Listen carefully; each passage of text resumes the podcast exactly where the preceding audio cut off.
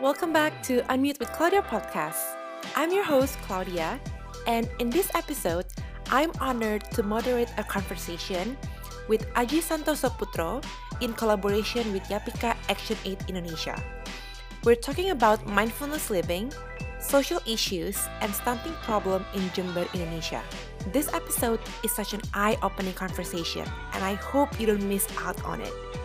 And without further ado, let's get right into it. Saya perkenalkan dulu kali ya. Mungkin udah banyak yang familiar dengan profil Mas Aji dari teman-teman di Indonesia, mungkin dari teman-teman yang di Amerika masih pernah mendengar tapi kurang begitu paham Mas Aji ini day to day ngapain sih sehari-hari gitu kan ya. Uh, jadi Mas Aji ini adalah seorang praktisi mindfulness. Uh, kayaknya pinter banget ya Mas ya, lulusan cum laude dari UGM. Kayaknya sudah menggeluti bidang mindfulness dan, dan um, belajar mengenai psikologi humanity udah lumayan lama. Mas Aji dan so far uh, juga seorang penulis sudah menerbitkan lima buku dan aku udah lihat rame banget di Aji Story uh, banyak banget yang repost buku-buku Mas Aji. Um, aku yakin banget sih bahwa buku-buku Mas Aji ini bawa banyak impact positif lah untuk masyarakat Indonesia, Mas. Udah bukan asing lagi kali kalau Mas Aji ngebahas mengenai mindfulness, mengenai hidup bahagia, uh, melepas trauma masa lalu, uh, how to be how to be present in the moment dan hal-hal mindfulness lainnya gitu, Mas. Uh, mungkin hari ini Mas Aji di sini kan juga sebagai um, community campaigner dari Yapika Action hmm. Indonesia gitu. Uh, banyak sekali isu-isu sosial yang Yapika Action Aid tahun 2022 ini akan angkat dan satunya adalah masalah stunting nih Mas yang hmm. hari ini akan um, bahas lebih lanjut dan akan dikaitkan dengan mindfulness untuk menyambut tahun 2022 gitu kan ya Mas. So before kita mulai, tadi udah aku perkenalkan juga ada Mbak Tuti dari Yapika selaku fundraising director dari Yapika Action Indonesia yang nanti akan um, menjelaskan lebih rinci um, masalah stunting itu seperti apa sih di Indonesia dan segawat apa dan apa yang kita lakukan sebagai uh, warga negara untuk bisa berpartisipasi dalam menanggulangi masalah sosial ini ya Mbak. Mungkin sebelum kita mulai gitu Mas uh, Mas Aji, udah sering mendengar gitu Mas Aji banyak muncul di podcast, di media-media um, lain sebagainya. Mas Aji menceritakan atau uh, sharing mengenai mindfulness. Apa itu mindfulness? Gimana cara kita develop mindfulness, mindfulness dan lain sebagainya. Cuman kayaknya belum ada yang banyak tahu awal mula perjalanan Mas Aji itu. What triggers you to get into this bandwagon about this mindfulness journey?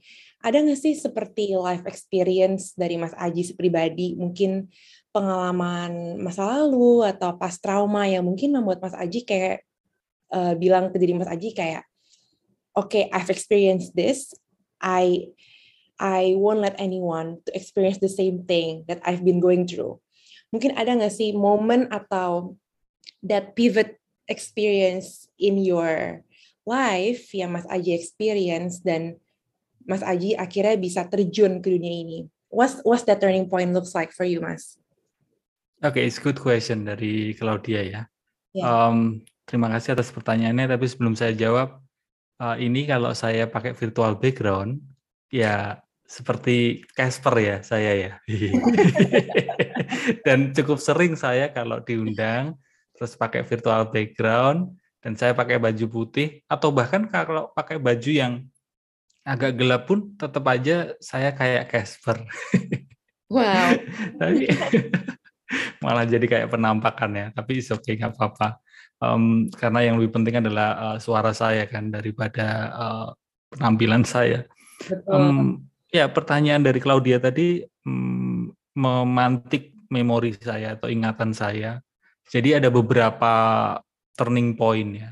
Yang pertama adalah saya lahir di keluarga, eh, saya tidak memilih sih sebenarnya. Um, saya lahir di keluarga broken home. Jadi sejak kecil saya memang hanya dirawat, dididik, disayangin oleh ibu saya. Um, itu satu momen yang menurut saya, buat saya itu adalah pelajaran kehidupan yang cukup mendalam. Um, saya belajar untuk um, berdamai dengan kesepian, saya berdamai dengan kemarahan. Oke. Itu satu poin ya, satu momen. Lalu ada satu momen lagi yang sangat membuat saya um, melihat hidup ini menjadi berbeda adalah uh, waktu saya kuliah di psikologi, um, saya pernah punya keinginan untuk udahlah selesai aja hidup ini gitu karena saya sebel gitu. Sebel sama hidup ini sebel sama diri saya. Ya muncul keinginan itu keinginan untuk uh, berhenti aja gitu um, hopeless lah ya. gimana hopeless hopeless iya yep, ya ya uh, saya merasa gelap sekali lah hidup ini kayak ya kelihatannya waktu saya sekolah ya sebelum saya kuliah sekolah itu saya uh, punya prestasi yang bisa dibanggakan gitu hmm. ketika kuliah saya juga ya lumayan lah, lumayan pinter meskipun saya sendiri juga gak menyangka bisa cum laude gitu. Karena sering titip absen juga, sering bolos. Tapi ada satu kenyataan yang saya hadapin, ternyata di luar sekolah, di luar perkuliahan, hidup ini nggak semudah sekolah gitu. Hidup hmm. ini nggak semudah kuliah gitu, karena ternyata di luar sekolah kuliah saya berhadapan dengan patah hati, saya berhadapan dengan di PHP-in, saya berhadapan dengan mantan, saya berhadapan dengan mungkin karir, saya berhadapan dengan bicara waktu dulu soal passion dan sebagainya. Rumit sekali gitu, sehingga di situ malah saya jatuh terpuruk dan hopeless. Tapi di momen itu pula saya menjadi tersadarkan bahwa hidup ini perlu dilihat lebih utuh. Gitu. Um, dua momen itu saya rasa ya, di samping banyak momen sebenarnya yang membuat saya saya jadikan sebagai turning point tapi dua momen itu okay. um, membuat saya sekarang ini ya berkarya di bidang seperti ini begitu Claudia. Hmm, Oke, okay. thank you for sharing Mas. Uh, dan Mas ini kan dikenal sebagai mindfulness uh, practitioner gitu. Ceritanya gitu sih, saya saya nggak tahu sih. iya, labelnya seperti itulah ya hmm. di dunia sosial media gitu. Uh, cuman menurut saya ya mas, kalau saya boleh jujur, um, kata mindfulness itu tuh terkadang agak overrated ya menurut saya. Yep. Karena banyak banget, I myself included gitu, uh, ngomong mindfulness terus menerus, tapi sebenarnya kita paham nggak sih apa itu mindfulness gitu? Kalau arti simpelnya kan mindfulness adalah melakukan segala sesuatu dengan sadar, ya kan, full of awareness gitu. Tapi kita sebagai human being itu kan sangat nggak mungkin, menurut saya, menurut saya sangat nggak mungkin, almost impossible untuk do every single thing full of awareness gitu. Kalau menurut Mas Aji sendiri, tanpa sugar coated, sebenarnya apa sih itu mindfulness, Mas? Kayak what is mindfulness and how can a human being actually live mindfully?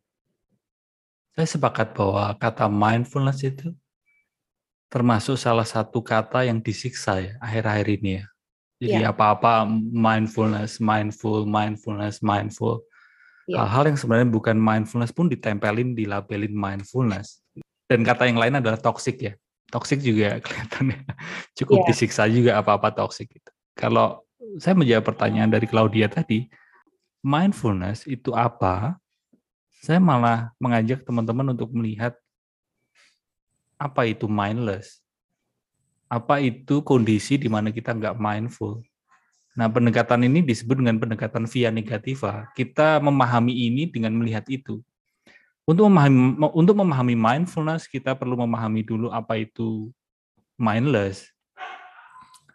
Eh, kondisi minus eh, salah satu contohnya adalah uh, misal waktu tadi pagi sikat gigi gitu. Ketika kamu tadi sikat gigi, iya tubuhmu sikat gigi, ya um, gigimu juga kamu sikat. Uh, di ranah badan, di ranah tubuh, kamu melakukan kegiatan sikat gigi itu.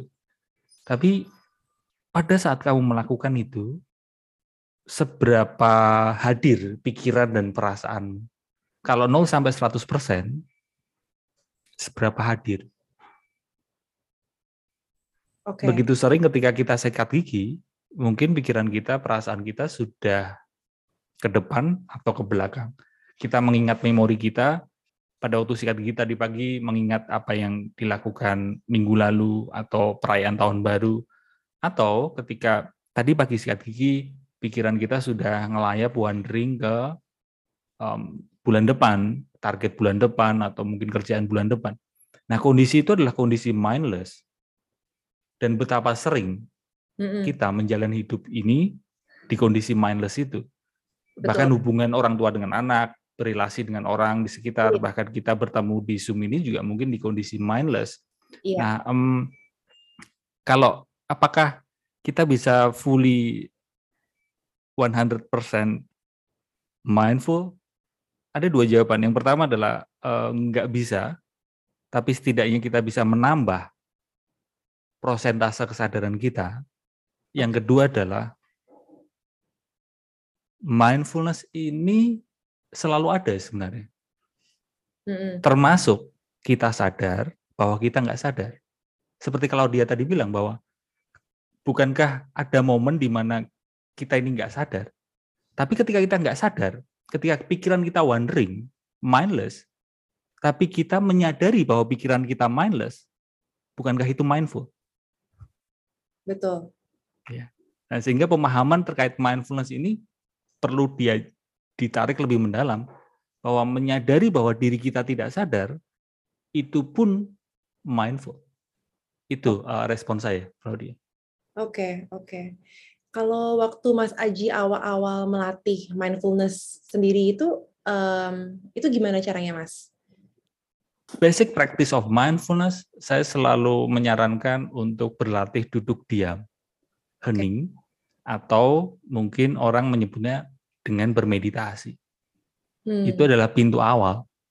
Duduk diam, pejamkan mata, hening, sadari nafas. Oke. Okay. Mindful breathing. Itu hmm. uh, praktisnya.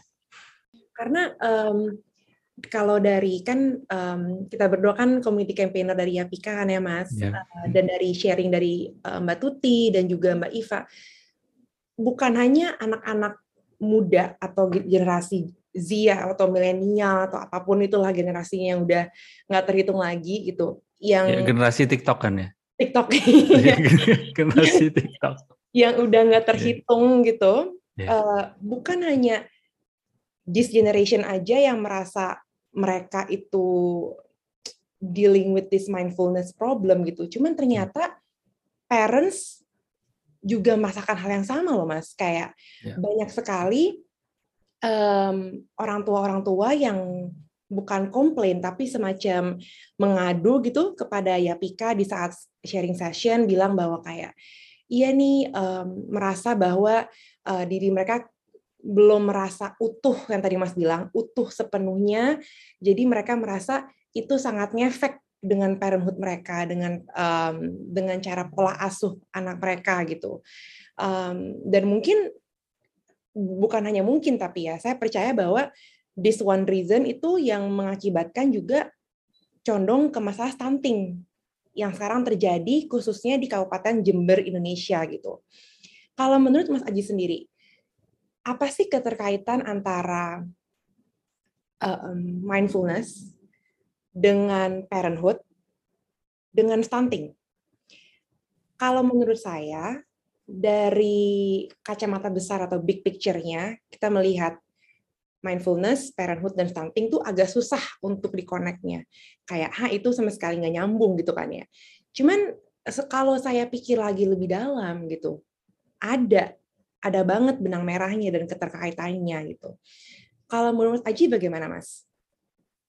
Oke, okay, um, kita perlu melihat bahwa permasalahan stunting itu it's like a lot of puzzle gitu, uh, banyak faktor ya. Uh, saya rasa itu nanti Mbak Tuti yang lebih bisa menjelaskan detail gitu. Hmm. Banyak penyebab terkait stunting, tapi beberapa di antaranya kan permasalahan gizi dan mungkin terkait dengan kesadaran, terkait dengan pengetahuan. Hmm, dan kalau dilihat dari kacamata saya, itu adalah kesehatan mental. Kesehatan mental, jadi anak sehat ini kan bukan hanya bicara soal kesehatan fisik, tapi juga perlu kita lihat dari kesehatan mental. Dan kesehatan mental ada kaitannya dengan hubungan. Bagaimana kualitas hubungan orang tua dengan anaknya. Betul. Ya dan bicara soal hubungan orang tua dengan anak bukan berarti hanya sebatas ketika sudah lahir saja tetapi dalam kandungan pun bagaimana hubungan orang tua dengan anak ibu ya ibu uh, dengan anak termasuk bapak juga uh, ketika anak masih dalam kandungan seperti apa kualitas hubungannya dan itu saya rasa menjadi peran penting dari mindfulness. Mindfulness punya peran beberapa di antaranya adalah kalau ada kaitannya dengan parenting dan stunting begini. Kita bahkan kita ini kan sebenarnya sudah tahu bahwa setiap hari harus olahraga. Kita, kita sudah tahu itu. Kita sudah tahu bahwa kita perlu makan sayur lebih banyak, kita sudah tahu bahwa kita perlu mengurangi gula, kita sudah tahu secara edukasi, kita sudah tahu. Tapi the big questionnya adalah, apakah setiap hari kita olahraga? Ya. Apakah setiap hari kita melakukan apa yang kita ketahui?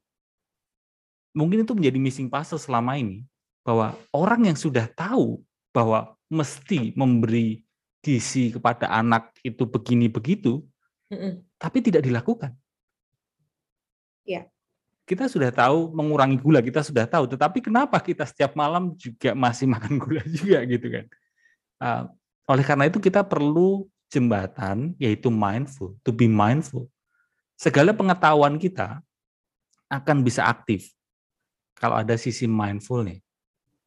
Dan ini saya rasa menjadi peran penting tadi uh, menghubungkan antara mindfulness, parenting dan stunting.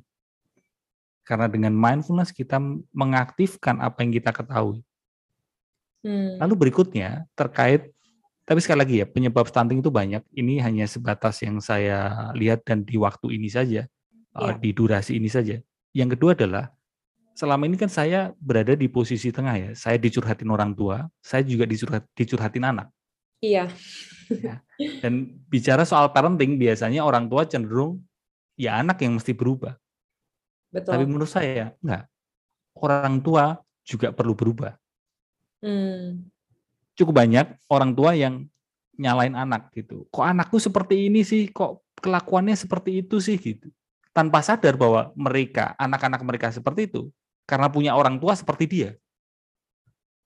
Itu kan kayak nyalain aliran sungainya, padahal orang tua ini, kita ini juga nah, kita komplain aliran sungainya kok kotor ya gitu. Tanpa sadar kita sebagai orang tua adalah yang mengotori di awal aliran sungai itu gitu. Ya. Jadi um, yang ingin saya sampaikan adalah uh, keterkaitan mindfulness, parenting, dan stunting, kita sebagai orang tua perlu mulai sadar bahwa anak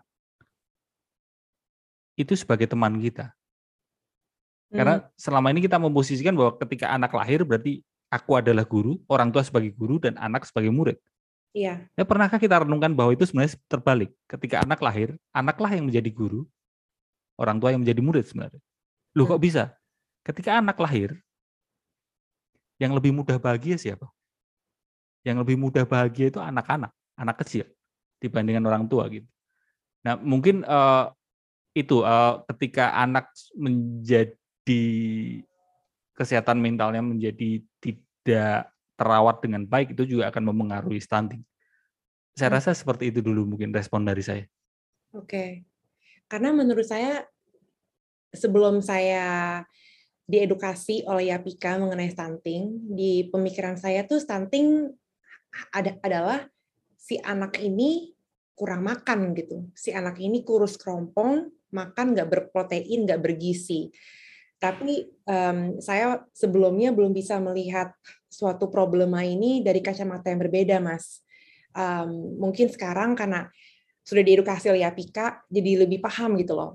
Kalau masalah stunting itu bukan hanya karena si anak nggak dapat makanan berprotein tinggi, tapi bisa juga karena masalah mentalnya, dari parentingnya, dari orang tuanya yang mungkin um, parentingnya belum mindfulness atau belum sadar gitu, atau memperlakukan anaknya seperti ya udah yang penting kasih makan, dimandiin, ditidurin, kelar gitu, uh, dan bukan hal-hal lainnya gitu.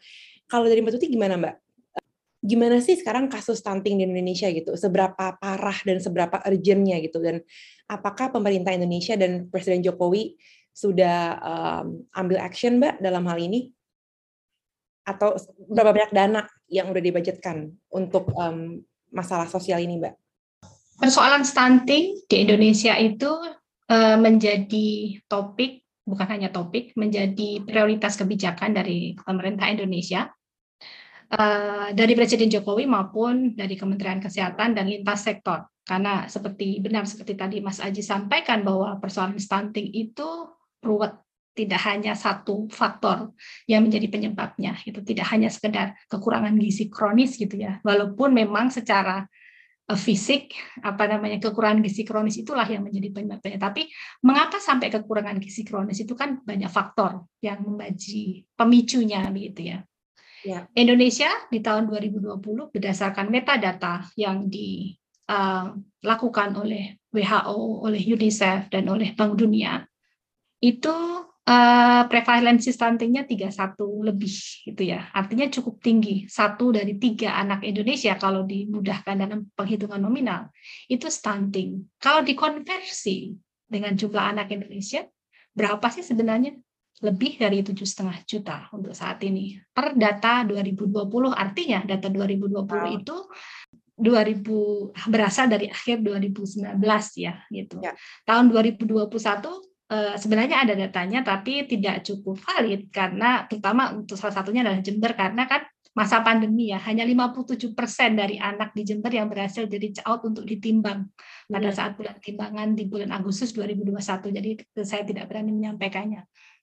Nah, eh, ini menjadi prioritas pemerintah sejak lama, sejak masih eh, periode pertama Jokowi ya. Ada uh, apa intervensi khusus yang dilakukan dari kebijakan nasional bahkan sekretariat presiden pun uh, juga memiliki uh, apa namanya unit khusus gitu ya yang untuk menangani ini stunting saat ini penanganan pusatnya dikoordinasi pindah nih tahun ini dari tahun sebelumnya gitu ya oleh BKKBN sebelumnya oleh Kemenkes. Tetapi secara technical itu uh, Kemenkes uh, itu uh, berperan di situ. Namun kementerian lain seperti Kementerian Desa karena desa juga mempunyai dana desa yang sampai desa-desa ya itu juga memiliki apa namanya diarahkan untuk juga bisa secara bersama-sama lintas kementerian dan sektoral untuk mengatasi stunting ini kalau dilihat dari data, memang kita adalah nomor dua tertinggi di Asia Tenggara gitu ya untuk stunting kasus stunting. Dan ranking pada beberapa tahun lalu ranking kelima tetapi untuk tahun ini saya tidak saya belum secara rinci untuk mencari apa hmm. membaca datanya ranking berapa sekarang ini untuk tingkat global gitu ya. Tetapi memang hingga saat ini itu masih menjadi prioritas untuk penanganan pencegahan maupun penanganan ya. Pencegahan itu adalah supaya mencegah orang stunting kalau penanganan adalah melakukan penanganan pada balita-balita yang sudah menderita stunting. Di Jember sekitar 20 ribu, lebih dari 20 ribu anak di Tengarai atau diidentifikasi oleh petugas kesehatan sebagai pendek dan sangat pendek dan dalam konteks ini dikategorikan sebagai stunting itu data tahun 2020 gitu. Ya. Jadi cukup meresahkan gitu ya eh, apa namanya dan layak sangat layak untuk menjadi prioritas pemerintah nasional maupun eh, kabupaten-kabupaten eh, atau kota itu ya yang memiliki eh, apa namanya kasus atau uh, apa namanya istilahnya persoalan stunting yang uh, cukup tinggi. Itu kalau dari segi landscape ya terkait dengan kondisi. Nah, ya BKS bekerja di Jember sejak pertengahan 2018 dimulai dengan riset ya. Risetnya kita melibatkan antropolog karena kita menyadari bahwa stunting tidak hanya sekedar angka, tapi ada di balik angka gitu ya. Jadi uh, antropologis kesehatan yang turun untuk uh, apa namanya melakukan riset di sana. Hmm. Penyebab stunting iya adalah gizi kronis yang dialami oleh anak gitu yang terlihat secara fisik itu lebih pendek dari yang seharusnya perkembangan anak pada balita gitu ya. Tapi sebenarnya masa krusialnya kan di seribu hari pertama ya sejak dalam konsepsi dalam kandungan hingga dua tahun lah itu masa krusial untuk bisa eh, apa namanya pencegahan kalau pencegahan pencegahan mendekati penanganan ya. Kalau pencegahan seharusnya sebelum sebelumnya gitu ya. Oke mbak. Nah kondisi uh, gizi kronis tinggi, hmm. pernikahan anak juga tinggi di Jember, sanitasi juga Jember adalah satu dari kabupaten di Indonesia, kabupaten kota di Indonesia yang uh, kasus buang air sembarangan, besar sembarangan atau open defecation-nya tinggi di Indonesia. Dan uh, apa namanya tiga hal itu berpengaruh terhadap uh, menjadi pemicu munculnya kasus-kasus stunting di Jember. Oke. Itu mungkin sekilas, Mbak. Mm -mm.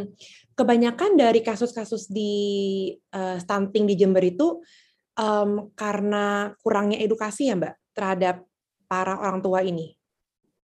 Kayak mereka, uh, edukasi mengenai parenthood kah atau um, kurang full awareness mengenai uh, nutrisi dari anak-anak um, mereka. Jadi mereka kurang gitu paham gitu untuk um, dalam segi ini, Mbak apa um, mungkin faktor? Uh, ya faktor yang uh, kami amati langsung di di lapangan ya dari pelaksanaan program itu adalah persoalan pengetahuan terkait dengan pola asuh terkait dengan gizi uh, anak itu uh, menjadi salah satu faktor walaupun memang perlu diapresiasi juga bahwa upaya untuk edukasi KIA istilahnya kalau di Indonesia kesehatan ibu dan anak itu sudah cukup digerakkan oleh Pemda Jember melalui Dinas Kesehatan uh, bekerjasama dengan puskesmas-puskesmas yang sampai menjangkau posyandu-posyandu di desa itu ya.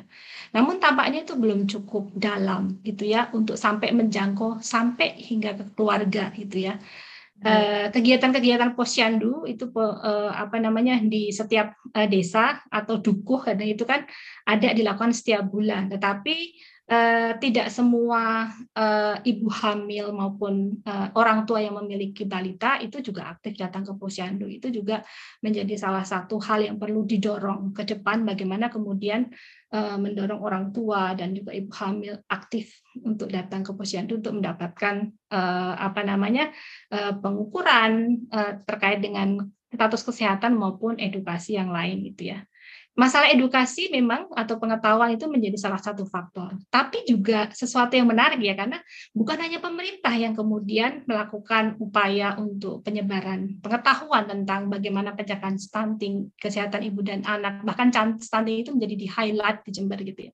Tapi juga banyak universitas termasuk ya Pika yang datang ke sana, maksudnya bersama eh, kader posyandu, bidan, puskesmas dan lembaga lokal untuk bekerja juga untuk uh, turut berkontribusi untuk eh, menangani masalah stunting di Jember. Namun pertanyaan adalah eh, apakah itu kurang intensif ya. atau ada satu sisi ada lubang kecil entah itu kecil atau besar ya yang disebut sebagai kesadaran atau mindful ini. Dan ini menjadi menarik dengan apa yang dikatakan oleh Mas Aji tadi ya. Barangkali dalam uh, konten edukasi kita gitu ya atau strategi kita melakukan pengorganisasian atau pemberdayaan atau penguatan di komunitas yang melibatkan banyak pihak itu juga dimasukkan unsur uh, apa Mas Adi mengatakan mindful gitu tapi how. Nah itu mungkin menjadi sesuatu yang sangat menarik ke depan untuk bisa dikembangkan sebagai injeksi material uh, penyebaran pengetahuan ya how to gitu bukan hanya kognisi oh. yang kemudian oke okay, merawat anak begini, memasak makanan yang sehat begini, menanam uh, local food crops untuk bisa menjadi asupan tambahan gizi keluarga harus begini, bahwa yeah. makan makanan instan itu tidak baik untuk diasup oleh ibu-ibu hamil maupun anak balita gitu karena rasanya enak ya gitu ya itu kan juga berpengaruh begitu ya nah hal seperti itu terkait dengan edukasi mbak Claudia tentu masih ada PR gitu ya supaya ada oleh semua pihak kita harus mengapresiasi upaya tersebut karena edukasi itu juga nggak mudah ya. Namun perubahan itu kok belum terlihat itu. Jadi yeah. pencegahan ada dengan adanya uh, pemberian makanan tambahan yang sudah menjadi uh, program dari pemerintah kabupaten gitu ya melalui dinas kesehatan, mm. melalui pemerintah desa dan ya PKS ini juga berkontribusi untuk memberikan makanan tambahan ini bukan satu-satunya pendekatan ya tetapi Eh, menjadi bagi salah satu untuk uh, apa namanya membantu penanganan dan sekaligus menjadi titik masuk uh, edukasi karena pemberian makanan tambahan yang kami lakukan itu dilakukan oleh uh, langsung oleh kader posyandu dan datang ke rumahnya setiap hari untuk tiga kali makan gitu ya.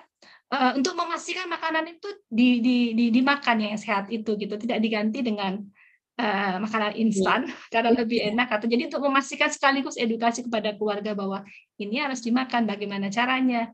Hal kecil kita menggunakan lunchbox yang berbentuk ikan gitu ya supaya kemudian anaknya suka untuk makan hal-hal kecil gitu jadi eh, uh, itu yang kalau berkaitan dengan masalah edukasi atau pengetahuan ada dilakukan frekuensinya mungkin perlu ditambah. Kedalamannya dalam konteks bagaimana membawa aspek kesadaran, bukan hanya kognisi itu juga barangkali kemudian menjadi strategi yang penting gitu ya untuk dimasukkan dalam konsep kesadaran ini. Hmm, itu okay. Mbak Claudia. Thank you, thank you Mbak Tuti untuk sharingnya.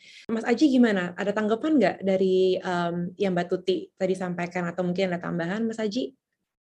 Iya, um, satu hal terkait dengan stunting ini kan tadi Mbak Tuti, uh, saya sepakat sih dengan apa yang disampaikan Mbak Tuti dan ya. ada satu kata yang menarik perhatian saya yaitu soal makanan, soal makan. Nah, ya. kalau dari sudut pandang mindfulness, anak-anak dan mungkin kita dulu waktu anak-anak itu momen makan itu malah bisa menciptakan trauma yang baru, benar nggak? Betul. Betul. Karena ketika momen Betul. makan itu kayak orang tua itu memaksa kita untuk makan, padahal kita ini nggak kepengen makan gitu kan? Atau mungkin ya. uh, orang tua uh, pendekatan ke anaknya itu cenderung agresif, mm-hmm. meninggalkan compassion lebih mengarah ke agresif, sehingga momen makan itu menjadi momen yang menakutkan buat si anak. Ya. Jadi peristiwa makan itu menjadi peristiwa yang menimbulkan stres, cemas, kemarahan di situ juga gitu. Iya. Nah, itu menjadi PR sebenarnya. Bagaimana momen makan itu sebenarnya adalah momen yang menyenangkan, momen yang yang apa ya? Bukan menyenangkan terus malah nanti jadinya kelebihan gizi jadi obesitas enggak, tapi sebuah momen yang yang apa adanya gitu. Hmm. sebisa mungkin orang tua tidak menciptakan trauma baru dalam momen makan. Itu saya rasa menjadi poin penting juga. Hmm. Betul, betul. Begitu, ya. Uh, menurut Mas Aji, um, pemerintah Indonesia perlu nggak Mas kayak menambahkan suatu paket pembelajaran uh, kepada orang tua, mungkin orang tua apalagi orang tua yang baru menjadi orang tua, um, mengenai mindfulness parenthood gitu. Karena kan menurut riset juga membuktikan gitu bahwa this unawareness parents adalah one of the factor kenapa bisa terjadi stunting gitu kan. Um, menurut Mas Aji sendiri, kalau misalnya kita sebagai organisasi mempropos hal tersebut kepada pemerintah, apakah pemerintah Indonesia sudah cukup dewasa atau mature enough untuk melihat ini sebagai salah satu paket yang quote unquote um, enak lah buat mereka? Ya, uh, ini subjektif ya karena saya praktisi mindfulness, saya pembelajar mindfulness, sehingga tentu saya akan bilang bahwa ya perlu bahkan sangat perlu uh, memasukkan uh, mindfulness dalam edukasi. Bukan hanya bicara soal edukasi orang tua supaya orang tua bisa merawat anak lebih mindful, tetapi edukasi secara keseluruhan uh, di sekolah, di perkuliahan, ya. Jadi pendidikan dunia pendidikan secara utuh itu perlu. Cuma yang menjadi masalah tidak mudah untuk menerima bahwa kita ini kurang kesadaran. Betul. Kita lebih hmm. menerimanya bahwa kita ini kurang pengetahuan. Sehingga ya. edukasi, bicara soal intelijensi, berbicara soal kecerdasan, kita hanya merujuk pada seberapa tahu diri kita, seberapa pintar diri kita, seberapa mengingat diri kita. Makanya dalam dunia pendidikan, kita hanya tesnya adalah tes mengingatkan. Hmm. Saya rasa para orang tua um, ya di di ranah stunting itu mereka hafal kok ketika ditanya makanan bergizi itu apa saja, itu mereka hafal. Tapi kenapa pengetahuan itu tidak bisa dikunyah, tidak bisa dicerna, dan mewujud dalam laku, mewujud dalam tindakan? Di situlah sebenarnya pentingnya kesadaran. Ya. Jadi um, ya perlu, tetapi ini tidak mudah karena kita masih cukup banyak yang tidak sadar bahwa diri kita ini nggak sadar. Hmm. Bisa dipahami ya. Kita nggak sadar bahwa diri kita ini menjalani hidup, hubungan orang tua dengan anak itu dalam ketidaksadaran kondisi kita gitu. Betul mas. Ya. ya. Terima kasih Mbak uh, Tuti dan Mas Aji untuk uh, sesi konten penjelasannya, Mas, masalah mindfulness dan juga stunting. Uh, sekarang kita mau uh, lanjut ke sesi Q&A. Mungkin dari teman-teman sini ada yang mau menanyakan pertanyaan kah? Wah, oke. Okay. Ada dari Rati Perbatasari. Halo Rati, salam kenal. Um, pertanyaannya adalah, target kerja apa yang akan direncanakan oleh Yapika dalam mencegah dan mengatasi masalah stunting secara kondusif di tahun ini. Program mindfulness ini sangat efektif jika dilakukan secara komprehensif untuk menerapkan perilaku baru dan edukasi ke orang tua dan anak dalam mengatasi stunting. Sejauh mana Yapika akan menerapkan mindfulness ini secara konsisten? Ya, pertanyaannya banyak dan dalam ya. Langsung ditahap pada gimana caranya implementasi dari apa namanya pemikiran Mas Aji dan terintervensi di dalam paket-paket edukasi yang dikembangkan oleh YAPIKA. Ya, di tahun 2022 ini rencananya eh, kami akan melanjutkan bekerja di tiga desa dan mempunyai harapan bisa berkembang menjadi 18 desa dalam dua tahun ke depan. 18 desa yang menjadi prioritas dari kementerian, bukan kementerian, dari Dinas Kesehatan, berdasarkan data ada 17 desa sebenarnya yang uh, memiliki angka kasus stunting tinggi dan membutuhkan penanganan multisektor untuk bisa bersama-sama uh, menangani masalah tersebut. BKI Senit uh, di Kabupaten Jember Eh, dengan wilayah tersebut itu uh, pertama kita melakukan uh, intervensi gizi gitu ya. Jadi bersama. Kita tidak melakukannya sendiri datang ke rumah uh, anak yang uh, balita atau ibu hamil tidak. Kita bekerja sama dengan posyandu pada posyandu karena mereka lah yang dekat dengan komunitas ya itu ya. Kader posyandu untuk menyampaikan terkait dengan makanan bergizi yang diolah oleh para kader posyandu itu untuk dipastikan dikonsumsi oleh anak-anak dan ibu hamil gitu ya dalam jangka waktu tertentu itu satu Kemudian kita juga mendukung pengembangan, kami istilahkan sebagai kebun gizi ya. Jadi kita mendukung uh, supaya kemudian rumah tangga-rumah tangga atau keluarga-keluarga itu memanfaatkan halaman pekarangannya untuk menanam tanaman yang bisa menjadi tambahan asupan gizi buat keluarga, terutama mereka yang memiliki balita dan ibu hamil gitu. Terus kemudian kita juga seperti tadi ini yang terkait dengan pertanyaan bagaimana mindfulness bisa diintervensikan di dalam oh. intervensi sosial yang kita lakukan gitu ya adalah uh, uh, kita juga melakukan edukasi atau pemberdayaan bersama dengan kader posyandu gitu untuk bisa menjangkau masyarakat gitu ya terkait dengan penyadaran tentang kesehatan ibu dan anak uh, salah satunya adalah tentang stunting gitu. Dan hmm. menarik uh, apakah kita akan melakukannya gitu? Ini kita baru omong-omong pagi ini nih Mas Haji expertnya mindfulness dan nanti kami akan todong nih Mas Haji bantuin dong. Untuk bisa gimana kira-kira gitu ya nanti apa namanya ketika kemudian aspek kesadaran karena terus terang ini bukan hal yang mudah gitu. Saya juga sedikit belajar filsafat gitu ya ketika terkait dengan penyadaran itu suatu bukan sesuatu yang mudah gitu ya. Benar bahwa kognisi empat sehat lima sempurna lah eh, apa namanya paket edukasi masa lalu ya terkait dengan eh, kesehatan gitu ya. Itu mungkin ada di kepala orang tua orang tua gitu ya. Ya. Tetapi apakah kemudian itu dilakukan? Apakah memasak dan membeli makanan atau membersih bahan-bahan makanan di warung itu untuk makanan bergizi? Apakah memberikan makanan anak itu dengan bubur bayi yang dibuat sendiri dengan konten makanan yang bergizi? Saya kira kok dengan adanya besarnya kasus stunting itu membuktikan bahwa asupan gizi tidak demikian. Gitu. Tidak semata-mata karena mereka tidak tahu betul bahwa eh, apa namanya edukasi atau pengetahuan tentang bagaimana menyajikannya, bagaimana membuatnya mengas enak, bagaimana membuatnya menarik itu penting. Tapi apakah dilakukan? Itu kan kehendak untuk melakukan itu barangkali yang perlu diulik. Gimana caranya? Nah, ini orang psikologi yang tahu gimana caranya. Butuh intervensi seperti itu. Pada kenyataannya begitu. Terus kemudian kita juga melakukan advokasi Mbak Claudia dan kawan-kawan semua untuk mendorong rumah desa sehat dan ya. juga pemerintahan desa untuk mengalokasikan dana desa maupun dana dari Kementerian Desa yang dikelola oleh Rumah Desa Sehat itu dengan uh, porsi yang lebih besar untuk uh, kesehatan ibu dan anak. Salah satunya adalah untuk penanganan stunting. Jadi prosesnya yang kita akan dorong untuk pengalokasian lebih besar itu dan hal yang lebih besar itu seandainya eh, karena sudah beberapa desa yang kami dampingi sebelumnya, kami bekerja sebelumnya itu sudah berhasil mendorong peningkatan alokasi dana desa untuk pemberian makanan tambahan. Kami ingin memperbanyak sukses story itu untuk dilakukan di desa lain gitu ya supaya kemudian perhatian dari pemerintah desa itu semakin tinggi bekerjasama dengan pihak-pihak lain di sana baik universitas, LSM maupun eh, pihak-pihak uh, lain gitu ya untuk yeah. menangani bersama dan bukan hanya masalah penanganan pada saat si anak sudah stunting. Yang lebih masif lagi perlu dilakukan adalah di aspek pencegahan. Ketika penanganan itu kan sudah aspek medication ya, udah telat gitu ya. ya.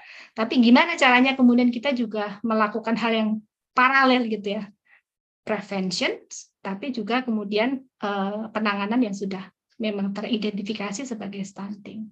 Dan itu yang kami juga melakukan komunikasi dan koordinasi dan juga advokasi juga kepada Pemda setempat untuk mengkoordinasikan apa yang kami lakukan. Semoga ke depan bisa terwujud 18 desa eh, kami intervensi untuk eh, bisa mendukung eh, apa namanya percepatan berkontribusi lah kami bukan sebagai pahlawan satu-satunya gitu tapi berkontribusi untuk penanganan dan pencegahan stunting di Jember. Terima kasih Mbak Tuti untuk uh, jawabannya. Ada next question dari Gabriela. Wow, I love this question. Uh, selamat siang, kemiskinan juga jadi sumber utama stunting. Bagaimana sebenarnya beban ekonomi akan mempengaruhi kesadaran orang tua akan gizi anaknya? Ini pertanyaannya dalam banget nih, Mbak. Bagaimana beban ekonomi hmm. akan mempengaruhi kesadaran orang tua akan gizi anaknya? Pertanyaan sangat menarik dan mungkin jawabannya tidak seperti yang diharapkan gitu. Apa yang kami temui di Jember? Tidak semua balita yang diidentifikasi stunting oleh tenaga kesehatan di sana, posyandu maupun bidan maupun dokter di puskesmas, itu berasal dari keluarga miskin. Enggak. Ketika kami datang ke sana, misalnya beberapa keluarga gitu ya, eh, kami datang ke orang tua ke sebuah keluarga yang rumahnya bagus. Perhiasannya juga mentereng. Itu menunjukkan kan itu adalah kasat mata yang bisa ditunjukkan bahwa uh, keluarga ini adalah mampu untuk menyajikan makanan yang bergizi gitu. Jadi stunting ya salah satunya adalah faktor ekonomi gitu ya yang bisa berpengaruh gitu kan itu logis koneksinya. Tetapi eh, anak yang terlahir dan stunting itu tidak selalu berasal dari keluarga miskin yang tidak bisa memberikan atau tidak mempunyai daya kemampuan untuk memberikan makanan sehat. Enggak. Gitu. Ini dua hal yang perlu diperhatikan.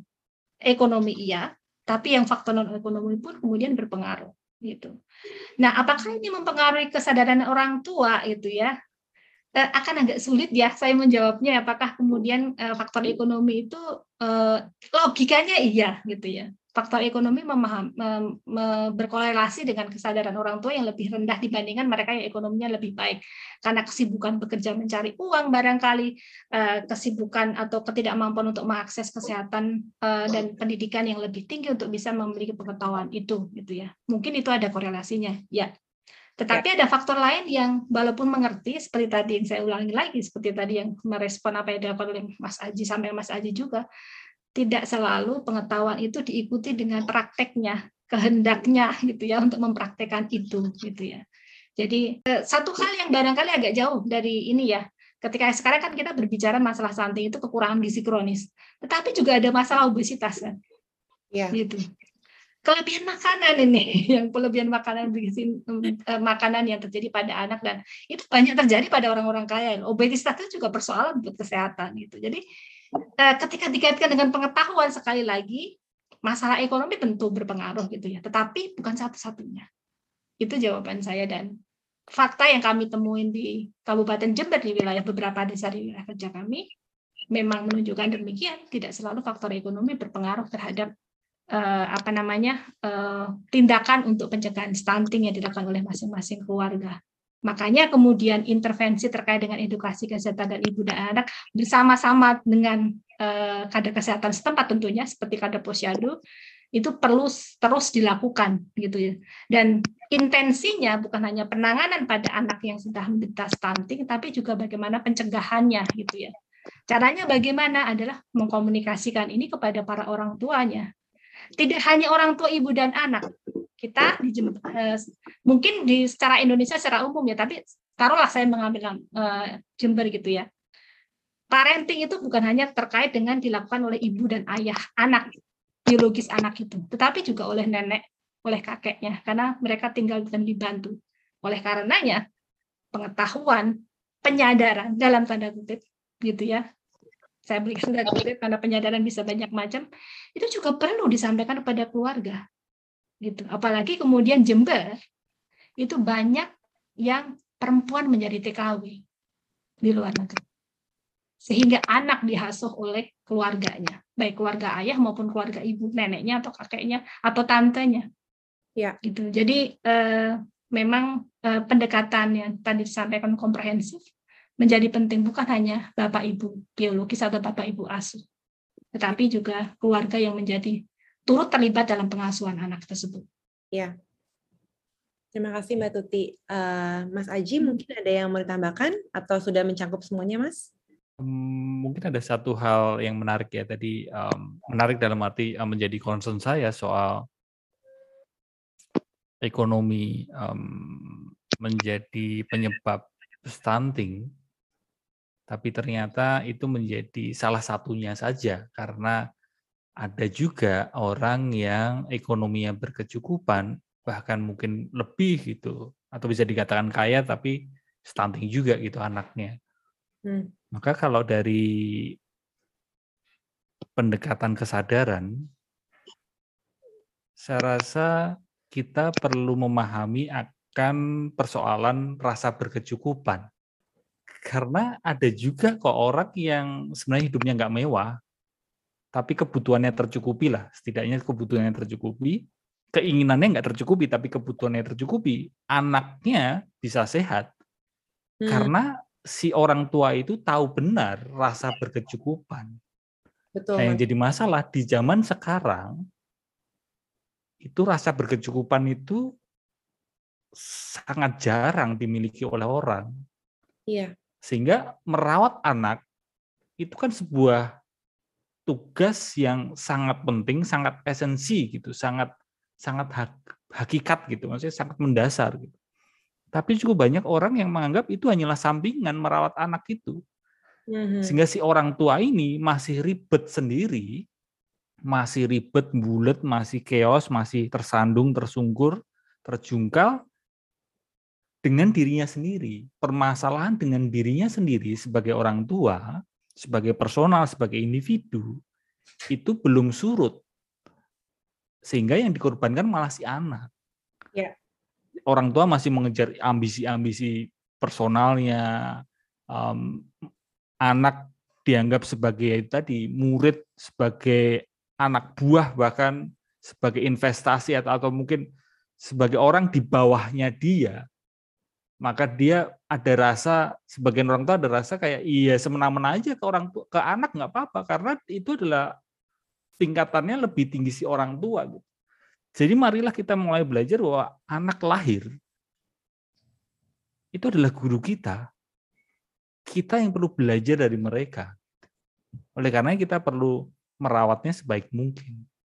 Dan ya. satu lagi, waktu itu yang mungkin di masa modern ini, di zaman modern ini, banyak orang tua yang melupakan. Hadiah terindah untuk anak itu bukan mainan mewah, bukan jalan-jalan ke mana, ke situ, ke sini, enggak. Hadiah terindah orang tua buat si anak adalah waktu dan perhatian. Sayangnya orang tua, ya tadi, karena kesibukan di masa modern ini, mereka berpikir bahwa ya lebih banyak waktu untuk kerja, daripada untuk anak. Itu juga akan mempengaruhi kesehatan mental si anak. Gitu. Saya rasa itu tambahan saya. Ya, bagus banget Mas tambahannya. Untung saya nanya. Thank you Mas Aji. My pleasure. Yeah. Untuk uh, ads on-nya. Uh, ini dari tim Yapika udah menyiapkan uh, cuplikan video sedikit mengenai real time kondisi di Jember sekarang ini um, untuk masalah stunting. Mungkin dari tim uh, Yapika boleh diputarkan videonya. Sahabat, perkenalkan ini Novi, balita cantik yang berusia 20 bulan. Novi sudah diberi makan bubur saat usianya baru menginjak satu bulan. Pemberian makanan padat yang terlalu dini berakibat pada terganggunya pola makan Novi. Sejak usia tiga bulan, ia mulai sulit makan dan sering sakit. Novi juga tidak mendapatkan ASI yang cukup karena ibunya sudah mengandung lagi sebelum Novi berusia enam bulan. Akibatnya Novi didiagnosa stunting. Berat badannya hanya 6,7 kg dengan tinggi badan 72 cm. Menurut standar WHO, rata-rata balita perempuan berusia 20 bulan memiliki berat badan 10,6 kg dengan tinggi 82,7 cm. Stunting merupakan kegagalan pertumbuhan dan perkembangan yang dialami anak karena masalah gizi kronis yang disebabkan oleh asupan gizi yang kurang, infeksi berkepanjangan, dan stimulasi psikososial yang tidak mencukupi dalam waktu yang lama.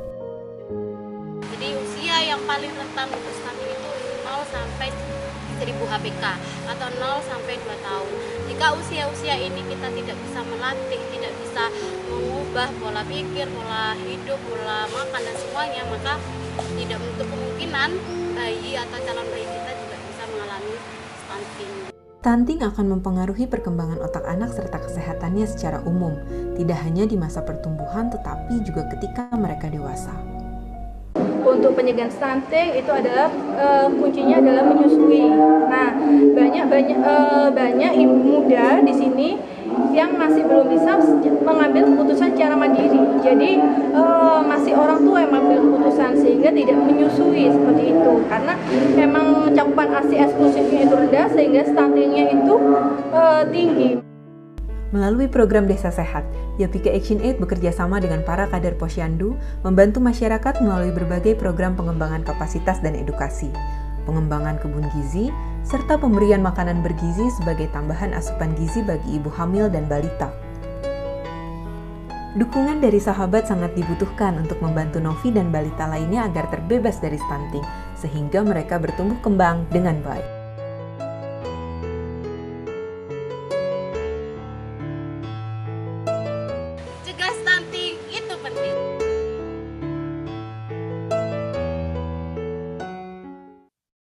Terima kasih tim Yapika untuk um, sudah mendokumentasikan real time di Jember. Sekarang ini mengenai stunting. Uh, mungkin untuk closing question uh, untuk Mbak Tuti dan tim Yapika, sekarang ini kan um, seperti yang kalian sudah tahu, saya sebagai community campaigner untuk Yapika sedang mengkampanyekan um, dan menggalang dana untuk masalah stunting di Jember. Yang nanti akan saya taruh di uh, chat group untuk link berdonasi tapi uh, mungkin dari Mbak Tuti sendiri um, boleh bantu untuk call to action ya Mbak? Jadi persoalan terkait dengan gizi kronis dan stunting ini adalah persoalan penting dan uh, sedang melanda negeri ini termasuk salah satunya Jember gitu ya. Dan kita perlu semua pihak untuk turut mendukung, tidak hanya mengandalkan pemerintah saja, tentunya pemerintah sudah melakukan itu, tetapi kita juga perlu berpartisipasi untuk mempercepat penanganan tersebut dan ini adalah juga menjadi hadiah ulang tahun buat Claudia Helena Johan, community campaigner yang Pika, yang akan berentak ulang tahun di tahun uh, di bulan Januari ini ya Mbak Claudia ya. Iya Mbak. Uh, ya untuk bisa berkampanye untuk menggalang dana uh, untuk bisa uh, kami salurkan ke, untuk mendukung kegiatan-kegiatan YPK Exinit di Jember untuk pencegahan dan penanganan stunting dan bantu Claudia to make it happen and reach the dreams. Yes. Itu aja Mbak. Jadi uh, berapapun itu donasinya teman-teman, uh, kalau teman-teman tergerak hatinya untuk bantu adik-adik kita di Jember untuk masalah edukasi dan pembelian makanan-makanan sehat, um, itu linknya barusan saya post di grup chat untuk berdonasi. Nanti uh, untuk perincian lebih detailnya akan diberikan ke mana uang sumbangan kalian, nanti akan dipost uh, di sosial media Pika ya Mbak ya, untuk perincian um, akan disalurkan ke mana-mana saja. Uh, kalau ada pertanyaan-pertanyaan terakhir untuk uh, donasi atau untuk Yapika, untuk Mas Aji sendiri, uh, mungkin boleh sekarang. Thank you teman-teman. Kita minta Mas Aji kali ya untuk call to action juga, Mbak. Oh, iya, Mas iya. Aji untuk iya, mendukung iya. campaign Mas. ini dong. Ya, saya, saya nunggu ditanya Claudia oh. tadi. Saya, ya, saya mengajak teman-teman untuk berdonasi karena gimana pun juga kita ini kan manusia di mana um, yang saya percaya manusia itu esensinya adalah cinta, esensinya adalah welas asih. Esensi kita sebagai manusia adalah menolong, membantu, berbagi. Sehingga kita akan lebih bisa bahagia ketika kita membantu. Makanya ketika kita dipecah-pecah, di, diadu dengan satu pihak dengan pihak yang lain, kita dibatasin gerak kita, sebenarnya kita akan menderita. Karena baik lagi, esensi kita adalah cinta dan ulas asih, dan esensi cinta ulas asih itu selalu akan merentang gitu. Merentang itu akan selalu meluas. Tidak ya. hanya bisa mencukupi kebutuhan keluarga saja gitu, tapi kita pun juga perlu menjangkau, membantu orang lain, bahkan orang lain yang tidak kita kenal. Jadi marilah kita berdonasi sehingga kita bisa melatih otot cinta dan ulas kasih kita, otot iya. compassion kita, dan kita menjadi manusia-manusia yang mudah berbahagia.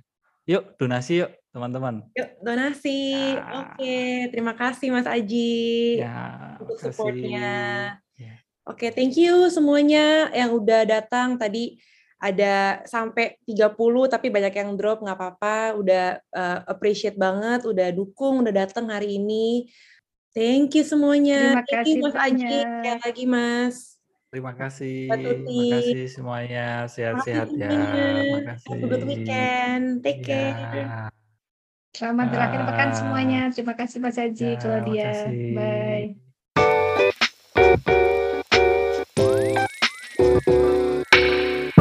Thank you all for listening to this Unmute episode.